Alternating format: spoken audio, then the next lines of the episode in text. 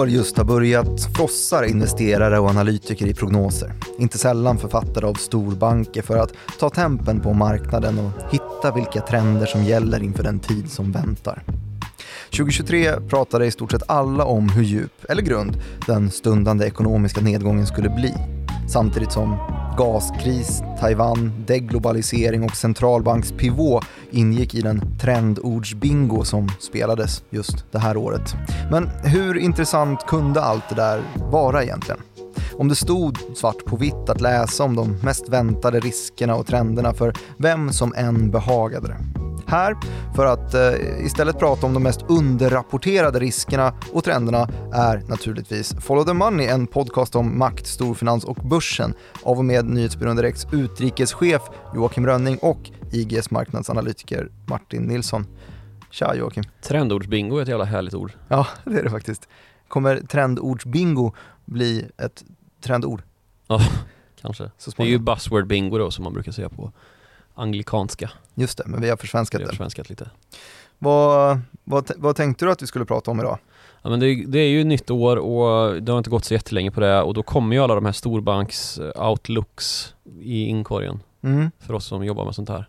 Har du eh, sugit i dig några än? Nej, inte en enda för jag vet ja. vad det står i dem redan. Alltså. Ja, det är ungefär det som är huvudpoängen med vårt anslag i det här avsnittet att det är inte så mycket nytt i dem om man har hängt med det senaste året. Nej, det har du rätt i. Lite humble brag om att man har hängt med. Mm. Ja. Jag, jag läste ju dem istället. Det gjorde du. Jag sög i mig både SCBs och eh, var Men det då så känns, också. Kan vi fråga dig om du känner sig fräsch då? Nej, det var ju precis det som vi har pratat om här. Ja. Det var ju recessionen och de tävlar lite grann om att säga hur djup den kommer bli. Minus 1,2 procent spår typ båda de här två att BNP för Sverige skulle bli 2023. De eh, tror också att räntorna kommer ligga kvar fram till början av 2024 innan centralbankerna börjar våga sänka igen. Det är, det är den typen av eh, prognoser som man stöter på där. Är det centralbankspivot då? Ja, exakt, när mm. den kommer. Mm. Sånt där intresserar inte oss, sånt som alla vet. Jo, vi, det är ju faktiskt eh, precis vad vi har pratat om det här året också Jo, jag menar det. Men att framåt liksom, om man ska blicka framåt, så, mm. så har vi ju gått förbi det där nu. Vi vill ju istället prata om sånt som man inte tänker på eller liksom sätta ihop hela bilden. Ja. Det är ju det, det är så vi brukar jobba när vi skriver våra tankekartor som vi gör inför det här att vi spelar in en podcast.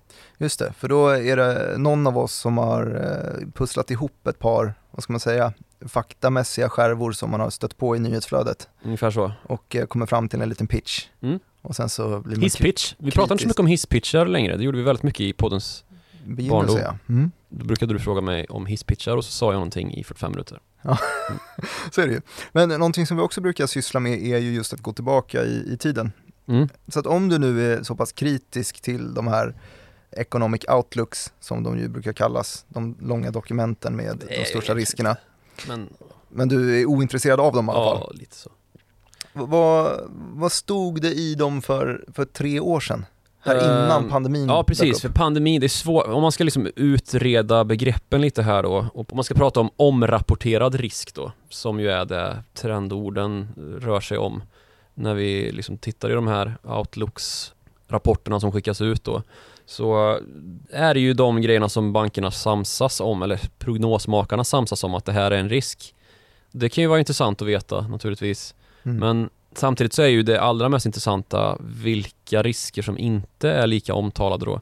Och då har vi ju en, ett väldigt bra, det kanske bästa exemplet i modern tid i form av pandemin 2020. För det mm. var alldeles för få som pratade om den i början på 2020. Och den bröt ju ändå ut i början på 2020. Ja, precis. I, Eller egentligen slutet på 2019. Kontext, ja, i europeisk kontext så var det 2020 som man kan bekräfta i alla fall att de första fallen var. Sen är det ju frågan om det inte var ännu tidigare. Men hade man eh, fokuserat på det så hade man ju kunnat göra sig en riktig eh, storslam på många sätt genom att liksom, nyttja det faktaförsprång då som man kan ta sig om man kartlägger risk på rätt sätt helt enkelt. Mm. Det gör man ju inte om man bara läser Outlooks-rapporterna och konstaterar vad de är överens om. Mm. Det är ju en bra utgångspunkt om man vill veta vad alla pratar om just nu, just buzzword bingo, men inte så bra för det underrapporterade då. Och om vi ska ta det mest underrapporterade som sagt så är ju 2020 ett bra utgångsår för det och allt därefter har ju handlat om pandemin och det var ju Men vad pratade man då om i, de outlooksen? Det kommer man ihåg handlade väldigt mycket om eh, sådant som deflation. Just det. Vi inte hade någon inflation utan tvärtom då att uh, vi var fast i en eh, spiral neråt ungefär. Uh, vi fick inte upp varken inflation och därmed inte räntor heller då. Och vi hade en besvärlig demografisk situation. Hur då?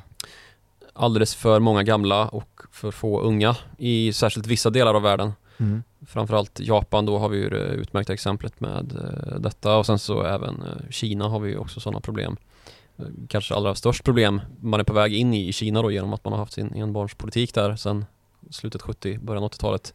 Mm. Men eh, sen så handlade det ju väldigt mycket också om klimat naturligtvis, ESG och så. Men då är det en lite mer positiv synvinkel, tycker jag, om jag minns tillbaka. Ja, hur lät det? Men man hade ju de här COP-konferenserna då, Conference of Parties i FNs eh, regi, klimattoppmötena.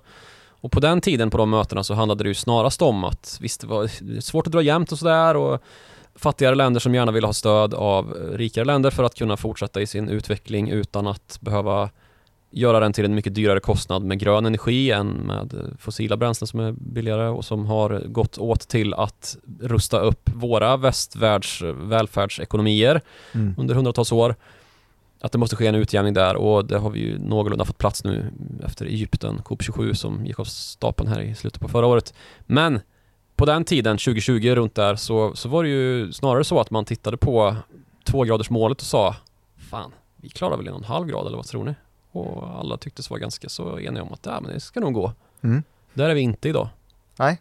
Nu står vi istället upp till öronen i en energikris i den rika delen av världen som ju har mycket att göra med ett krig i Ukraina där vår huvudleverantör av energi här i Europa har gjort anspråk på att ta över en demokratisk stat i Europa och det vill vi inte så då slutar vi köpa Nej, och du sa någonting intressant här med, med COP-mötena, Conference of Parties, att uh, det hölls i Egypten. Det, det är också lite Ja, hur, ja. Jag har tänkt på det där i alla fall. Uh, är, det, är det riktigt rimligt att det här klimat... Människorättsförbrytarregim tänker du? Lite människorättsförbrytarregim men också oljeleverantörer. Du tänker så? Ja. Då ska jag göra dig riktigt besviken. Uh -huh. Nästa COP-konferens, alltså FN klimattoppmöte kommer hållas i Förenade Arabemiraten. toppen. Ja. ja. Det är alltså OPEC, eh, oljekartellen OPECs näst största producent. Mm.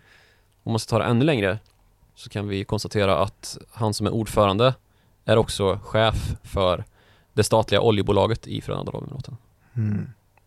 Så att då mm, kanske man kan vänta sig tre graders mål så, så småningom då? det är lite in your face alltså. Ja. Jäv, ja. man pratar om. Mm, det är det.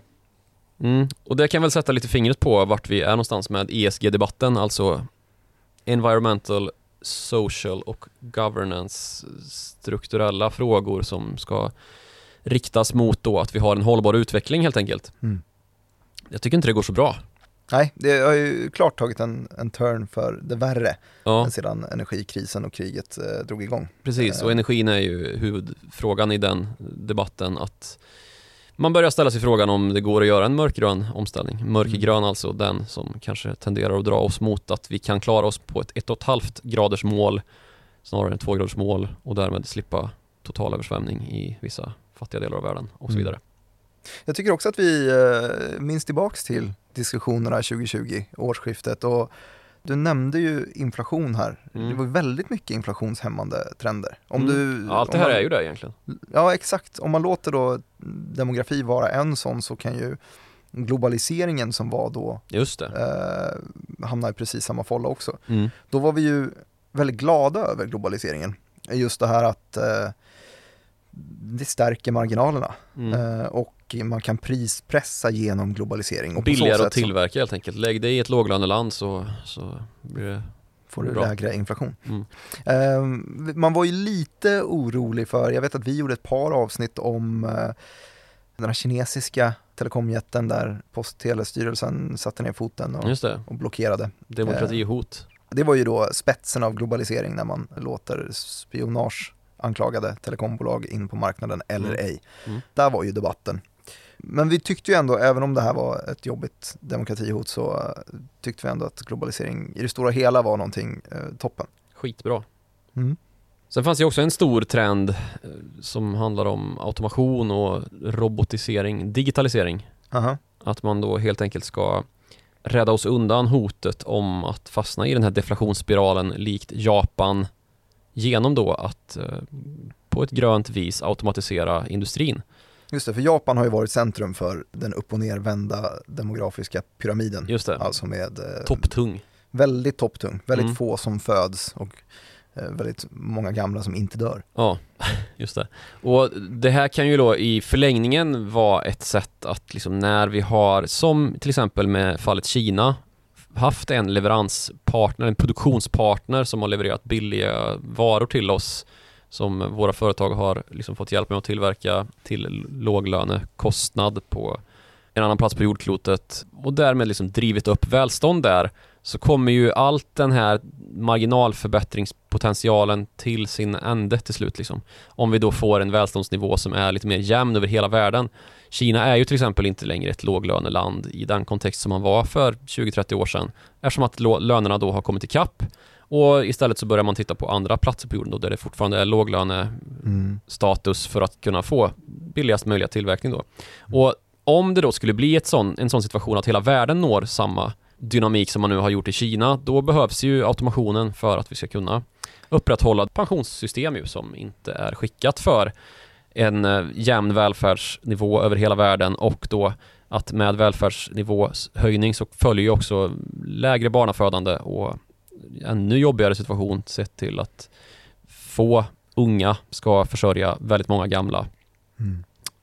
väldigt knivig situation och då kommer ju automationen in där då och så att säga saves the day.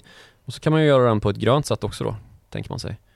Grön automation kan rädda världen ungefär. Men det här var en ganska rimlig spaning 2020 ändå. Mm. Det här, det här accelererades ju även och är ju kanske inte top of mind längre. Det är ju inte en av eh, Trendords bingo-medlemmarna men det är kusin till det fortfarande, Mm, absolut. demografin.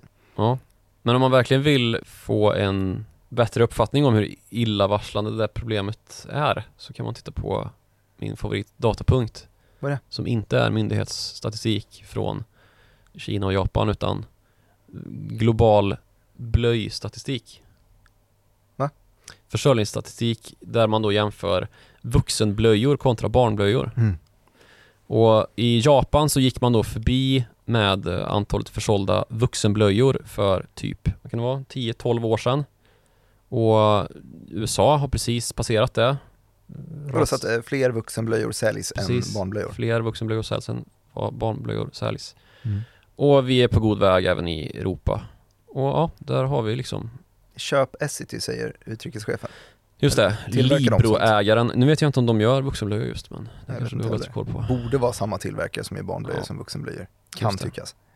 Men eh, vad kom vi fram till? Vi snackade om kanske fyra faktorer. Mm. Vi snackade klimat, globalisering, digitalisering, demografi, automation. Det kanske blir fem. Ja. Men eh, det är väl lite det grann. går ihop det där lite grann. Ja. Så pratar vi GDPR också om du minns. Just det. Ja. Det var ju ännu, ännu lite tidigare egentligen va? Eller? Ja, kanske. Kunddatareglering som skulle förgöra oss Fy fan, det Ja, det gjorde ju- den ju. skräckinjagande. Varenda Ja. sida man går in på idag så är det acceptera alla Ja, det är cookies. sant. Accepterar Men, du eh, allting direkt eller går du igenom och klickar ur någonting? Jag brukar acceptera så lite som det bara går. Ja, du är ändå så. Ja, Ja, som jag orkar inte, jag, jag Nej, accepterar vet. allt direkt. Är, det är segt alltså. Det är dumt. Ehm, Vad vi pratar om idag, ja, om man ska kontrastera med vad vi pratade om 2020 då i de där fyra fem punkterna. Ja men det är ju samma saker egentligen. Fast precis omvänt. inflation istället för deflation ja. Ja, till exempel. Och det känns som att det var länge sedan något var normalt.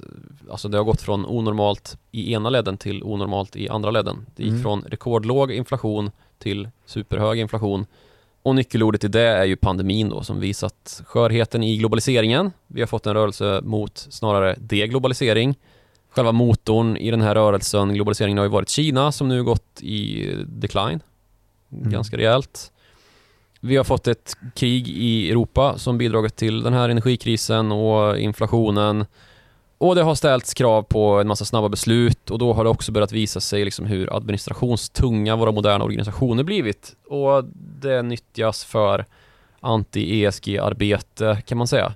Mm. För att det, det blir ganska lätt att destabilisera oss genom att hävda att vi använder oss av processlimbo och pappersdjungel för att sätta upp hinder mot vår omvärld och att allting kläs in i liksom ESG-skyddsnät för att vi ska kunna ägna oss åt i princip protektionism. Det kanske jag ska kavla ut lite grann vad jag menar med. Gärna det. Ja, men till exempel då, så samtidigt som kostnader för nödvändigt kapital skenar med inflation och räntehöjningar Mm. som vi måste utveckla grön energi i processer som visat sig vara väldigt tungrodda i demokratier så har vi landat i en situation där vi har just nu fyra gånger mer grön energikapacitet som sitter fast i den här processlimbon, alltså där överklagandeprocesserna blir oändliga, än vad som just nu är under uppbyggnad. Mm. Så att det verkar ju lite grann som att vi liksom fastnar i de här godkännandeprocesserna inom EU. Det var EU vi pratade om där alltså. Och då faller vår trovärdighet när, när vi liksom stöter på mot vår omvärld, alltså utvecklingsländer då framförallt och hävdar att ni borde faktiskt satsa mer på grön energi. Just det, de tycker att vi sitter på våra eh, höga hållbarhetshästar och, och ägnar oss åt protektionism Och för att vi inte får igenom någonting egentligen. precis, och startar upp eh, oljekraftverket i Karlshamn. Det har varit ett par konflikter, om man, om man vänder på det istället, för det här är ju utvecklingsländer då som eh, ryter till mot EU att EU ägnar sig åt protektionism och deras tröga administration får inte igenom några faktiska förändringar. Så har det ju varit precis samma sak från EU till USA också. Mm. Alltså, Jättekrångligt där nu. Om vi snackar, eh, jag gissar att du har rapporterat ganska mycket om IRA, Det har jag senaste. inte, men jag vet vad det handlar om. eh, Inflation Reduction Act. Precis. det här gröna amerikanska stödpaketet som eh, EU tycker missgynnar sina företag. Mm. Och i, i den konflikten då eh, mot det här eh, gröna amerikanska stödpaketet så är ju ilskan riktad från Bryssel till USA. Mm. Och eh, på samma sätt då så är nu i nästa led ilskan riktad från utvecklingsländer till EU. Japp. Och det är ju det här med liksom höga hållbarhetshästar som vi sitter på. Det är ju helt i linje med liksom mängder av exempel på gröna projekt som kvävs i sin linda då med motiveringen not in my backyard ungefär som man brukar säga. Alltså jättebra att vi försöker förgröna vårt energisystem men jag vill inte ha någon ful vindkraftverkssnurra på min bakgård. Mm. Den får stå någon annanstans i så fall. Och så överklagas det och fastnas, fastnar i den här processlimbon. Och globalt så uppfattas det här som ett dubbelspel. Att vi liksom signalerar att vi måste rädda klimatet samtidigt som vi själva inte vill bidra med uppoffringar då som behövs. Mm. Vi kan istället tänka oss att sälja en massa dyr teknik då som kan användas, alltså själva vindkraftverkstekniken. Men eh, vi är inte lika sugna på att utveckla den här hemma hos oss som hade varit nödvändigt då. Trots stora löften om gröna satsningar och vindkraftverksparker till havs och så vidare. Men allt tycks fastna i den här processen med överklaganden som ju finns i demokratier och det är klart att de ska få göra det men det börjar bli krångligt och det spelar rakt i händerna på en del andra aktörer i vår omvärld. Ja, alltså jag tycker de ju har, har rätt. Alltså för vad gjorde vi egentligen när gasen höll på att ta slut och Nord Stream sprängdes? Och vi inte kunde köpa den från Ryssland längre, precis. Eh, Då fick vi vända blicken åt ett annat håll och ett annat håll som råkade vara lika totalitärt och tyranniskt, alltså Qatar. Mm. som ju också är en diktatur. Och det tycker jag signalerar liksom en obehaglig ny rörelse som kan leda till nya demokratiproblem efter att vi just har fått börja ta itu med demokratiproblem i form av Ryssland och Kina Mm. som vi har pratat om. Som de två huvudländerna här ju. Dels som gasleverantör, eller ja, energileverantör och som leverantör av industriell tillverkning i världen som, som liksom den stora fabriken vi har. Vet du vad som eh, inte fanns med i eh, Economic Outlook-papperna? Typ, de är ju 40-50 sidor långa nästan. Nej, Qatar?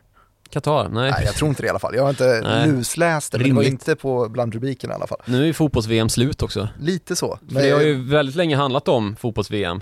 Sportswashing överlag när det kommer till, för vi ska inte bara prata om Qatar naturligtvis, utan hela den här regionen som ju är väldigt intressant ur ett ekonomiskt perspektiv i det att man är så extremt, extremt kapitalstarka. Mm. Och det är man dessutom i ett läge som snart börjar bli väldigt gynnsamt. Vi började det här med att alla förväntar sig att det ska bli någon form av ekonomisk nedgång. Mm. Och vad händer då med kapitalkostnader då när räntor går upp?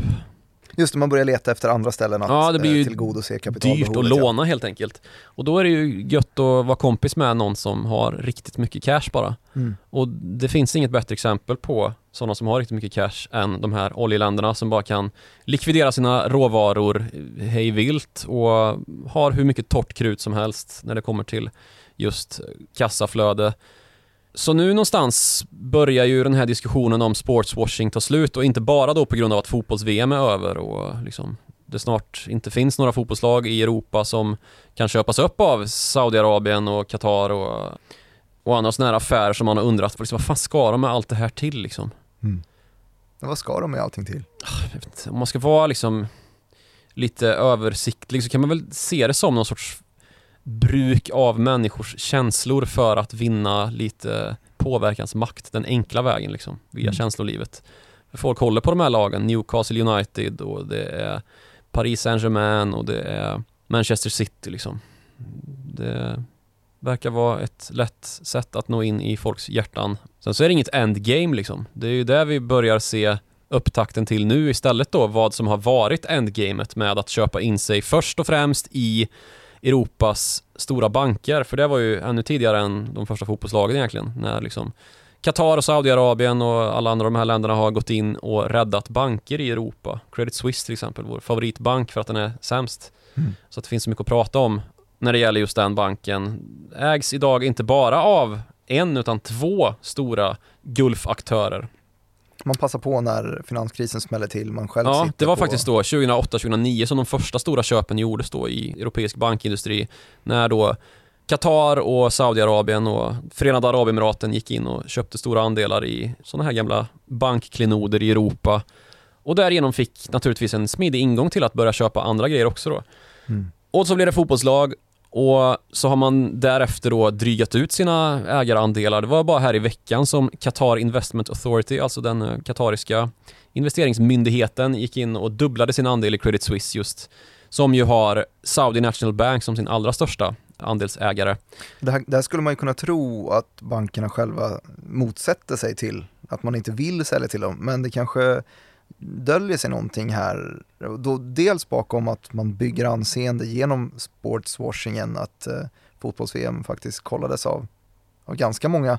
Eh, och att man har eh, byggt lite anseende genom att äga, ja men du sa Paris Saint-Germain till exempel och Mm. eh, Newcastle. Manchester City därtill så är det ju eh, uppsving för de här fossila bränslena. Alltså EU behöver dem eh, på flera sätt och då kanske man får Precis, man behöver inte bara bränsle längre i form av liksom, energiråvara utan man behöver också kapital helt plötsligt. Och det här är ju någonting som vi har sett även tidigare när det kommer till eh, ja, men eurokrisen till exempel. När vi hade den så var det ju väldigt mycket diskussion om ja, hur mycket ska vi tillåta diktaturer att komma in här och bara köpa loss på den öppna fria marknaden i demokratiska länder för att systemet ser ut på det viset att alla är välkomna när det handlar om en, ett liksom maktövertagande från en diktatur sett och då Det pratar här har vi, vi Kina snackat om eh, tidigare också. Du Ja. tänker på Pireushamnen Ja, bland i annat. Grekland. Exakt. Det är en lång diskussion som fortfarande pågår och där börjar vi väl se ett tecken på att det är faktiskt ganska många länder nu som börjar se sig omkring och säga stopp liksom, att vi kan inte låta det här ske. Och kanske med lite lärdomar dragna då av vad som hände när man lät Gazprom, alltså det ryska statliga gasbolaget, komma in och köpa liksom lagerkapacitet i Tyskland och styra och ratta över det europeiska gasutbudet helt unisont i princip. Vad som kan hända då när man har i Moskva då en räv bakom örat eller i en annan diktatur. Mm. Vi har inte varit eh, tillräckligt villiga när det fanns tid att betala för våra mörkgröna satsningar. Nej, Med bekvämlighet då, för det var väl det som hade krävts. det är det ju naturligtvis. För vi tyckte det var ganska nice att ha Ryssland som en billig energileverantör samtidigt som vi väl egentligen hade förförståelse om att det är klart vi måste go, go dark green liksom.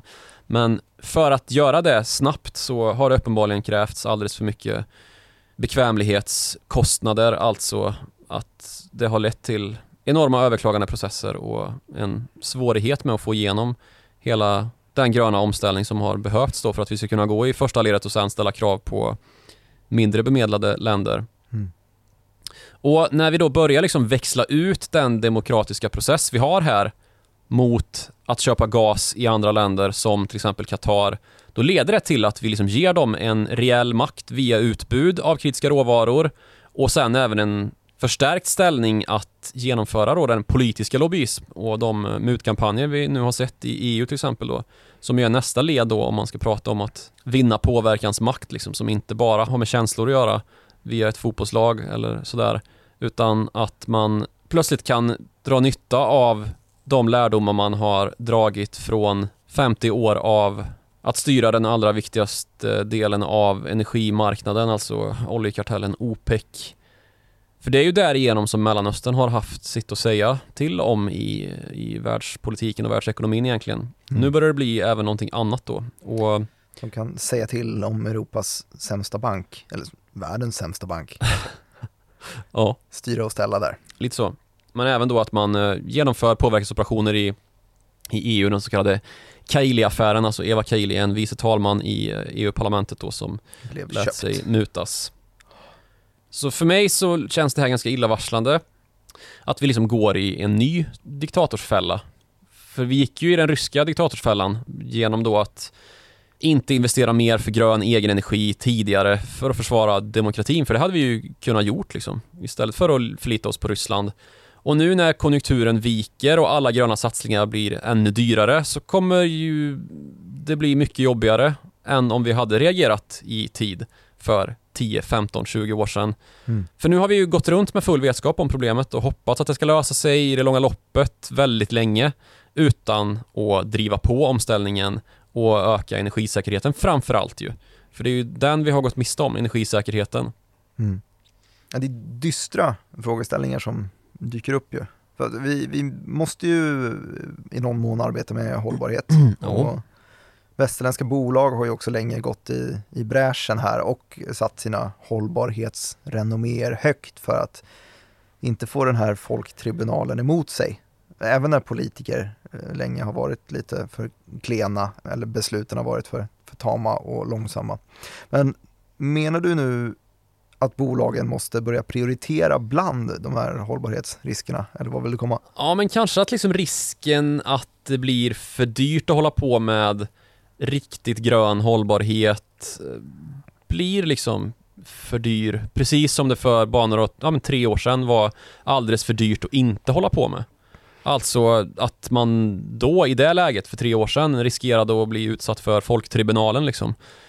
Just och det med folktribunalen menar vi då alltså opinionerna hemifrån, att folk ja, bojkottar precis, produkter. Typ. bojkotterna. Och det kanske man inte riskerar gå bet på lika mycket längre då. Snarare då att man riskerar gå bet på det omvända sättet att om man håller på med för mycket mörkgröna satsningar så kommer investerare då kanske i arabländer säga det här kan ni inte hålla på med, det här är för dyrt. Liksom, ni måste satsa på ett sätt som är lönsamt och som kan på sikt utdela vinst till aktieägarna, alltså klassisk shareholder-kapitalism istället för den stakeholder-kapitalism, alltså att alla inkluderade intressenter i och kring ett bolag ska gynnas av affärerna, inte bara de som är aktieägare. Mm. Jag försöker uh, dechiffrera det här uh, och det känns lite grann som att uh, ett lose-lose scenario, alltså att alla förlorar på det här i ja, det långa jo. loppet. Och sen så finns det ju de relativa vinnarna och det är ju de som är risken då tänker jag. Just det. För det här är ju ett scenario som vi absolut inte vill ha. Och då har vi bara pratat om klimat. Vi har väl nämnt i förbifarten att det här är människorättsförbrytande regimer liksom. Och att samma sak då gäller S1 och G1 i ESG, om vi pratar hållbarhet, alltså social och governance då. Vilket blir ganska uppenbart om man tittar på liksom hur hungrigt det västerländska näringslivet är just nu på att få in kapital och att inte rygga tillbaka för att ta in det från Mellanöstern, alltså Gulfländerna, som är världsbäst på att vara dåliga på ESG. Mm. Ja men det, det, är väl inte så konstigt heller. Alltså det är klart att det är lätt att uh, göra sådana här uh, extravaganta satsningar som E1 i ESG och S1 och G1 också för den delen när det är högkonjunktur och det är billigt med pengar. Och folktribunalen är stark. Och folktribunalen är stark ja. Precis. Men när folktribunalen vacklar och uh, gärna vill ha billigare pris vid pump och lägre elräkningar så blir det lättare att låta företaget överleva genom att ta emot människorättsförbrytande pengar. Ja. Men eh, om vi går in lite mer specifikt då. Vilka Vilka snackar vi om? Ja men vi kan väl börja liksom med att de gamla diktaturerna, de som vi har nämnt, Kina och Ryssland, är på decline liksom. Det är ju uppenbart. Kina har presenterat sina första liksom, demografiska nedgångssiffror någonsin i princip. Ekonomin går kraftigt bakåt och det är ett scenario som premierar andra diktaturer då, som blir mer styva i korken och då kan man ju börja se tecknen på nästa våg i den antidemokratiska rörelsen mot väst då som ju följt av att arbetarrostbälten blivit arbetslösa fentanylbälten liksom. Va, vad menar du med det? Ja men att produktion i USA och andra Arbetarrostbälten? Ja. ja men alltså rostbälten, då pratar man ju om där som det byggs bilar och Aha. tillverkas stål i USA ungefär. Alltså deras verkstadsindustri som är i Midwest, runt sjöarna och Michigan och Detroit och sådär. Mm.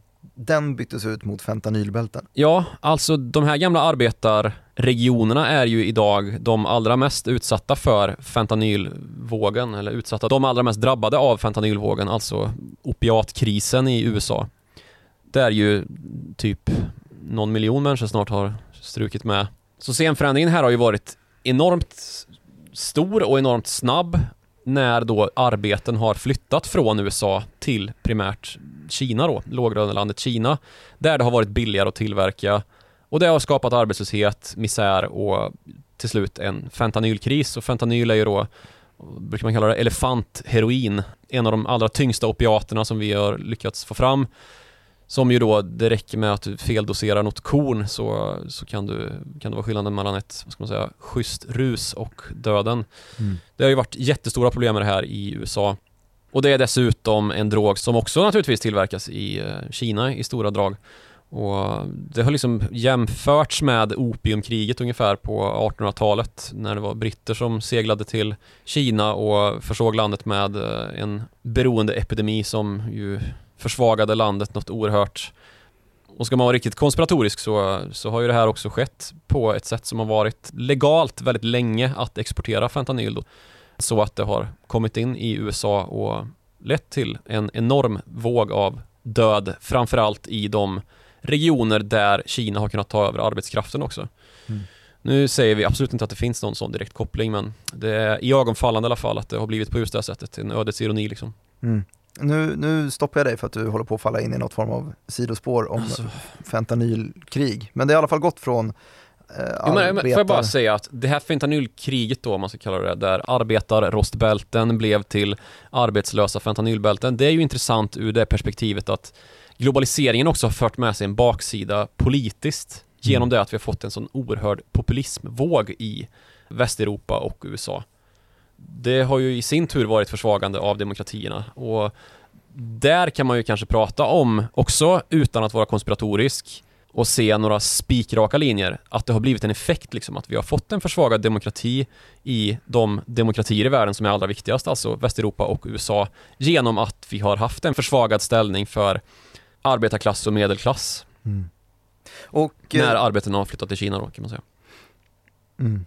Och det här är ju någonting som eh, syns i, i Economic Outlooks fortfarande. Man pratar både, både om Kina och om Ryssland, men nästa del då i det här som eh, vi vill ta upp som en underrapporterad risk, det är väl då eh, Mellanöstern. Precis, för varken Kina eller Ryssland är ju underrapporterat idag, det kan man ju absolut inte säga och där har ju dessutom hela den demokratiska världen sparkat bakut ju när det kommer till både Kinas liksom antidemokratiska telekombolag som spionerar utomlands och mm. då Rysslands krigföring i Ukraina. Där finns ett tydligt ställningstagande. Ja, precis. Även liksom om det som sagt dröjde alldeles för länge innan vi sparkade bakut.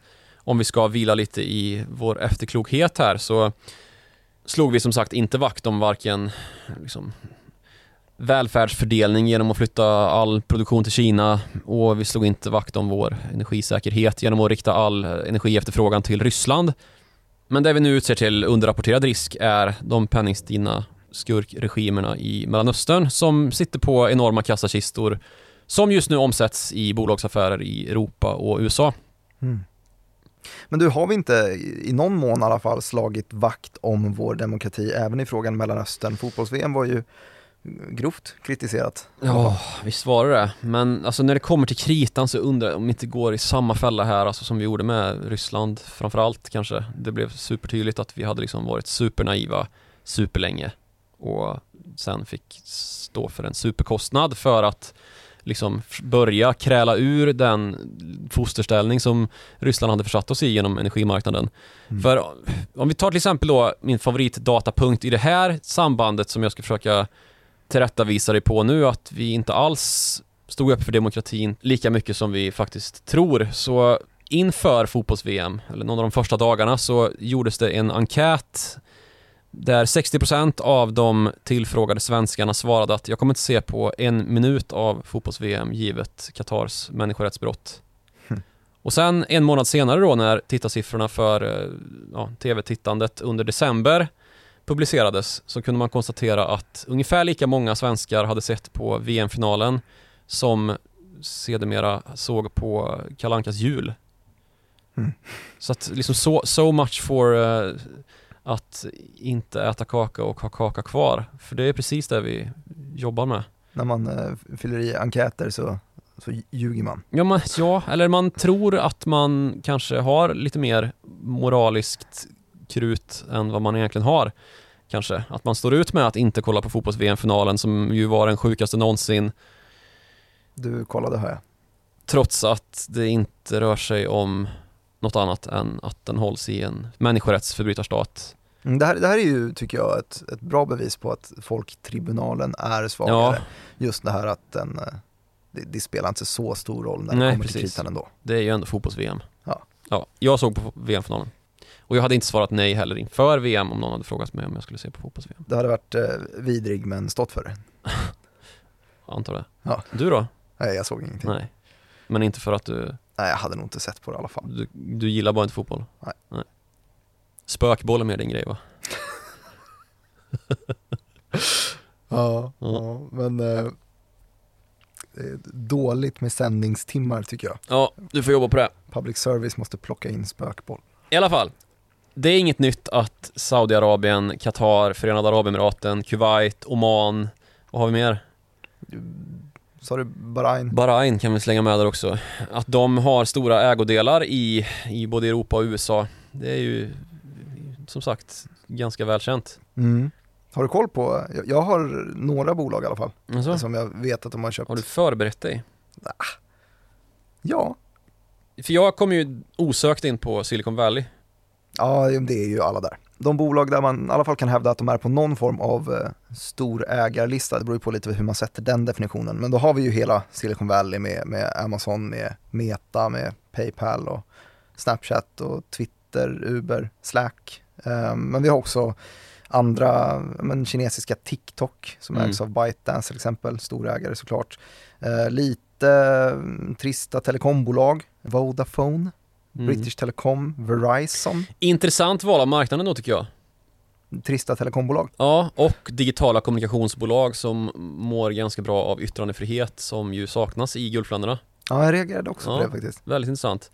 Men de här uppköpen från Gulfländer, det, det är som sagt ingen ny trend. Faktum vi kanske ska säga har skett mer i det fördolda under en ganska lång tid. Och det sker under en förklaringsmodell som är att Gulfländerna måste diversifiera sina ekonomier för att man ju livnär sig på ändliga resurser som är olja och gas. Mm, jag tycker också att det finns ett litet inslag av eh, kulturexport i det här.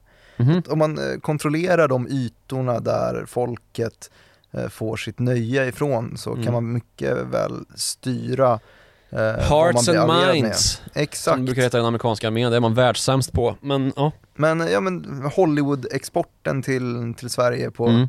på 50-talet och framåt kanske, mm. gav ju ändå en viss allians till landet i väst som ja. vi känner är kompisar idag. Och det är obehagligt att uh, Silicon Valley då, som ju är teknikutvecklingsmeckat i hela världen, fortfarande, även om Kina har lite anspråk på att komma ikapp, mm så skulle ju liksom Silicon Valley kollapsa om inte Saudiarabien framförallt fanns där och kunde kanalisera en kapital hej vilt. Ja, det är de som sticker ut faktiskt. Alla länder är ju med på det här och köper lite allt möjligt, men ja. det är Saudi som eh, dyker upp oftast, tycker jag. Så är det. Eh, vi, vi nämnde inte Sverige va? Nej, vi har, det finns ju också några Ja, i den digitala arenan så har vi, ja men Klarna är väl något som sticker ut, men framförallt eh, Embracer ju, där de för, var det ett år sedan nu, eh, Mm. en, en enda transaktion plockade 8% och blev tredje största ägare. Eh, det måste man ju ändå betrakta som stor ägare, även Mm. om man inte är, har majoritetsposten. Det har man ju i, i få eller inga av de här bolagen. Eh, men det är väl dit man vill komma så småningom. Ja, och ordföranden i det bolag som alltså tog den här posten är Mohammed bin Salman. Mm. Mohammed Bensåg, Han, som styckar journalister på fritiden. det Den administrativa ledaren. känns sådär. Ja, jag tycker det gör det. Men eh, de äger ju också lite fysiska delar. Det finns Ja. ju eh, stora fastighetsblock i, i Stockholm Ja, framförallt. Stureplan. Saudi ju- har köpt upp. Ja, Saudi, även eh, Förenade Arabemiraten är väl störst med det tror jag.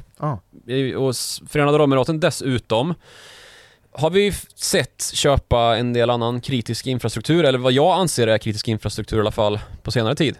Vadå? Ett bolag som eh, sitter på ungefär 50% av Nordens internettrafik. Global Connect. Ja, Nej. precis. Ja. Där gick då Mubadala Investments in som eh, Mm. minoritetsägare.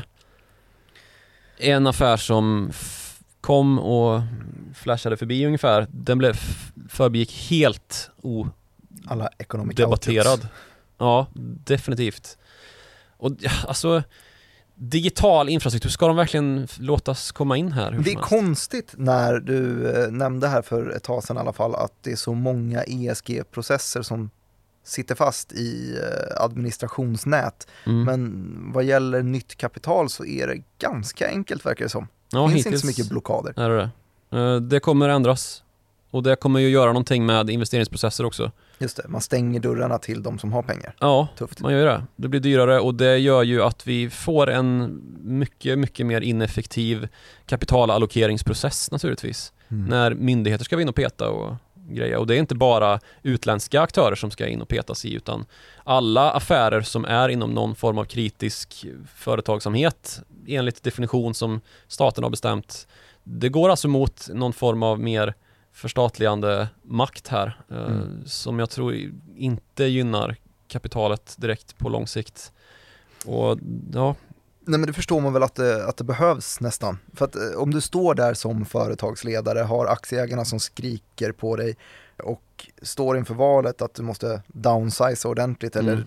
rent av riskera att konka och sen så kommer någon och viftar med en påse pengar och säger här, det är bara att överleva. Ja, och jag tror att det viftas med särskilt mycket sådana påsar pengar nu, inte bara för att det är lågkonjunktur utan också för att de här reglerna är på gång. Mm. Därför att då det kanske hade varit svårt för Mubadala, ett emiratiskt investmentbolag helägt av staten, att göra affärer i vad som är att betrakta som kritisk digital infrastruktur om man hade gjort en sån genomlysning av en sån affär och sagt stopp och belägg. Det känns inte helt orimligt att man hade gjort det. Alltså 50% av Nordens internettrafik rattas av det här bolaget. Och det förbigick helt odebatterat. Det tycker jag är märkligt. Mm. Är det inte ditt jobb som utrikeschef att se till att det inte går förbi helt odebatterat? Jag var väl den enda som såg till det, kan jag säga. Det var en, Jag- en liten nyhetsflash som gick ut. Ja, Ingen som såg den. och nu pratar jag om det här. Ja, det är bra. Det är ju inte jag som styr vad det ska debatteras om. Eller? I viss mån. Ja, nej men eh, jag skrev nyhetstext om det men sen så det är inte, alltså, vi är en nyhetsbyrå, vi bestämmer inte vad som publiceras av respektive media. Än mindre vad liksom, analytiker tar upp på krönikörer plats liksom. Mm, just det. Och, eh, SCB plockar in i sin Economic Outlook. exakt. Och vad är väl i ordets rätta mening att betrakta som underrapporterat om inte detta då? Underrapporterad risk Just det. om inte detta.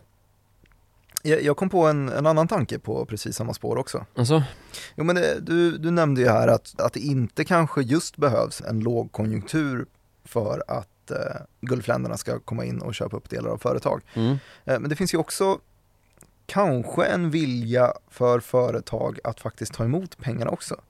mm, Jo men eh, jag tänker så här att staterna i sig är i krig mot de allt större bolagen. Mm, Eh, Krig på så sätt att man vill eh, hitta sätt att beskatta de här stora globala cloudbolagen, Amazon till exempel, eh, som förflyttar högkvarteren till lågskatteländer och eh, för, har väl en miljon anställda i USA men skattar i Dublin Mm. eller vad det nu kan vara. Ja, eller någon Eller, eller något ställe. Något. Någon Caymanö kanske.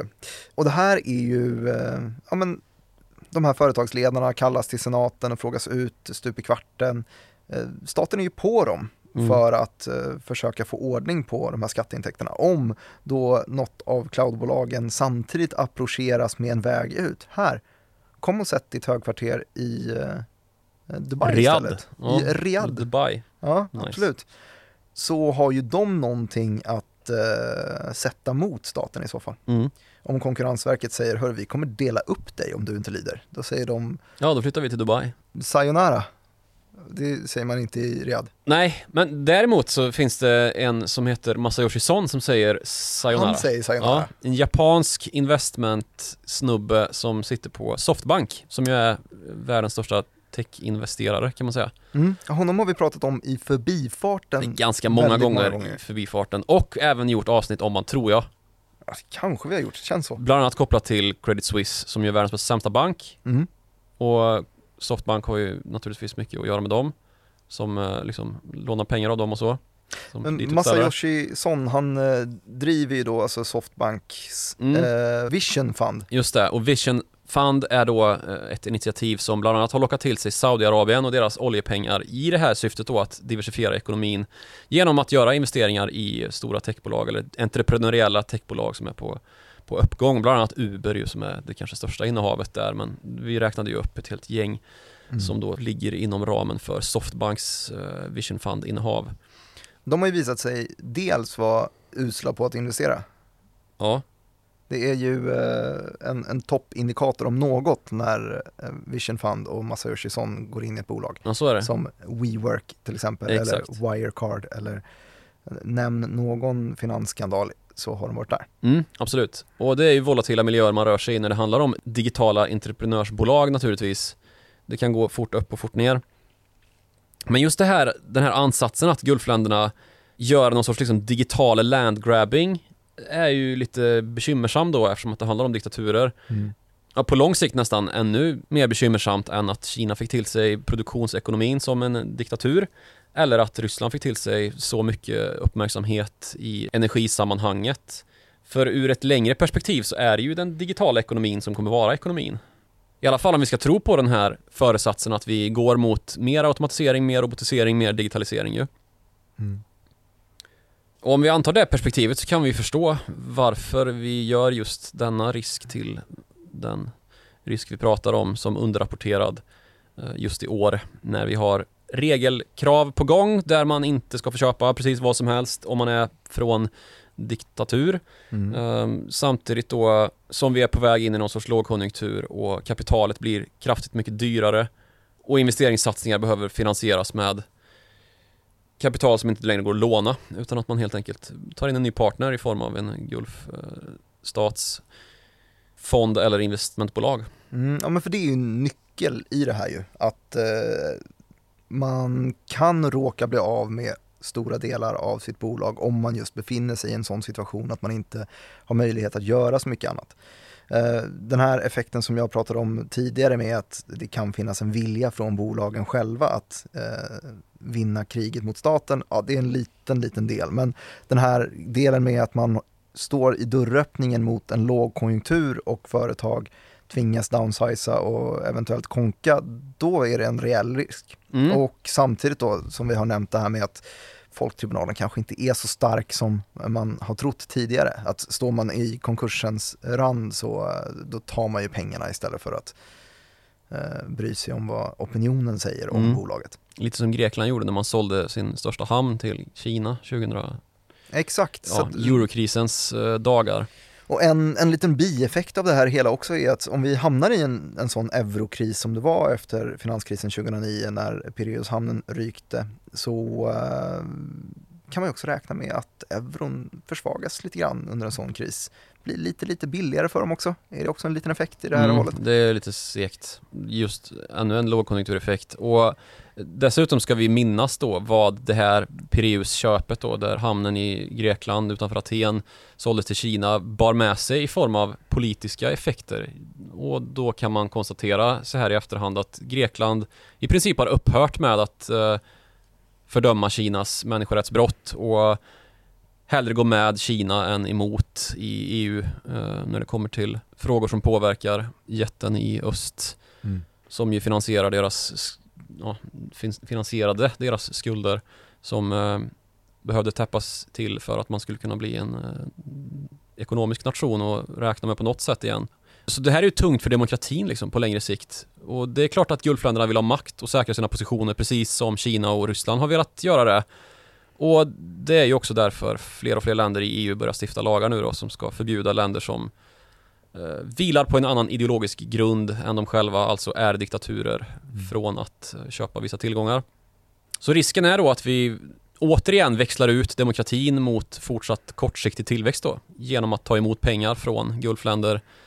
Och så kan man fråga sig då, är det värt det eller glömmer vi bort att demokrati och frihet är ovärderligt för just tillväxt om vi ska prata långsikt och inte bara titta på kvartalsekonomi liksom. Mm. Follow the Moneys Outlook 2023 får tacka för oss. Ja, ska vi göra det? Ja, eh, Mm. vill man själv också skicka ett tack till oss så gör man det på followthemoney.direkt.se. Och sen så kan man ju höra av sig på Twitter också och man Mm. kan följa oss där. Du heter snabel Joakim Ronning eh, och du skriver allt roligare tweets. Du har nästan blivit viral Ja, på, på senaste. Det är flera hundra som har likat dina bilder. Flera. Du la upp en, en meme om Edvard Blom och så Ja, jag undrar om inte jag var en betydande orsak till att Omni tog in den som någon sorts nyhet. Lugna att eh, Edvard dig. Blom är viral i Ukraina-kriget. Ja. Det var inte Eh, bara mitt. Man kan också höra av sig till mig och följa mig. Eh, Jag heter snabel Martin Nilsson IG och man kan prenumerera på mitt morgonbrev på ig.se morgonrapport. Just det. Kan man göra. Eh, Vi hörs väl om en, en dryg vecka igen kanske? Eller något. Ja, eller något. Ha det så fint.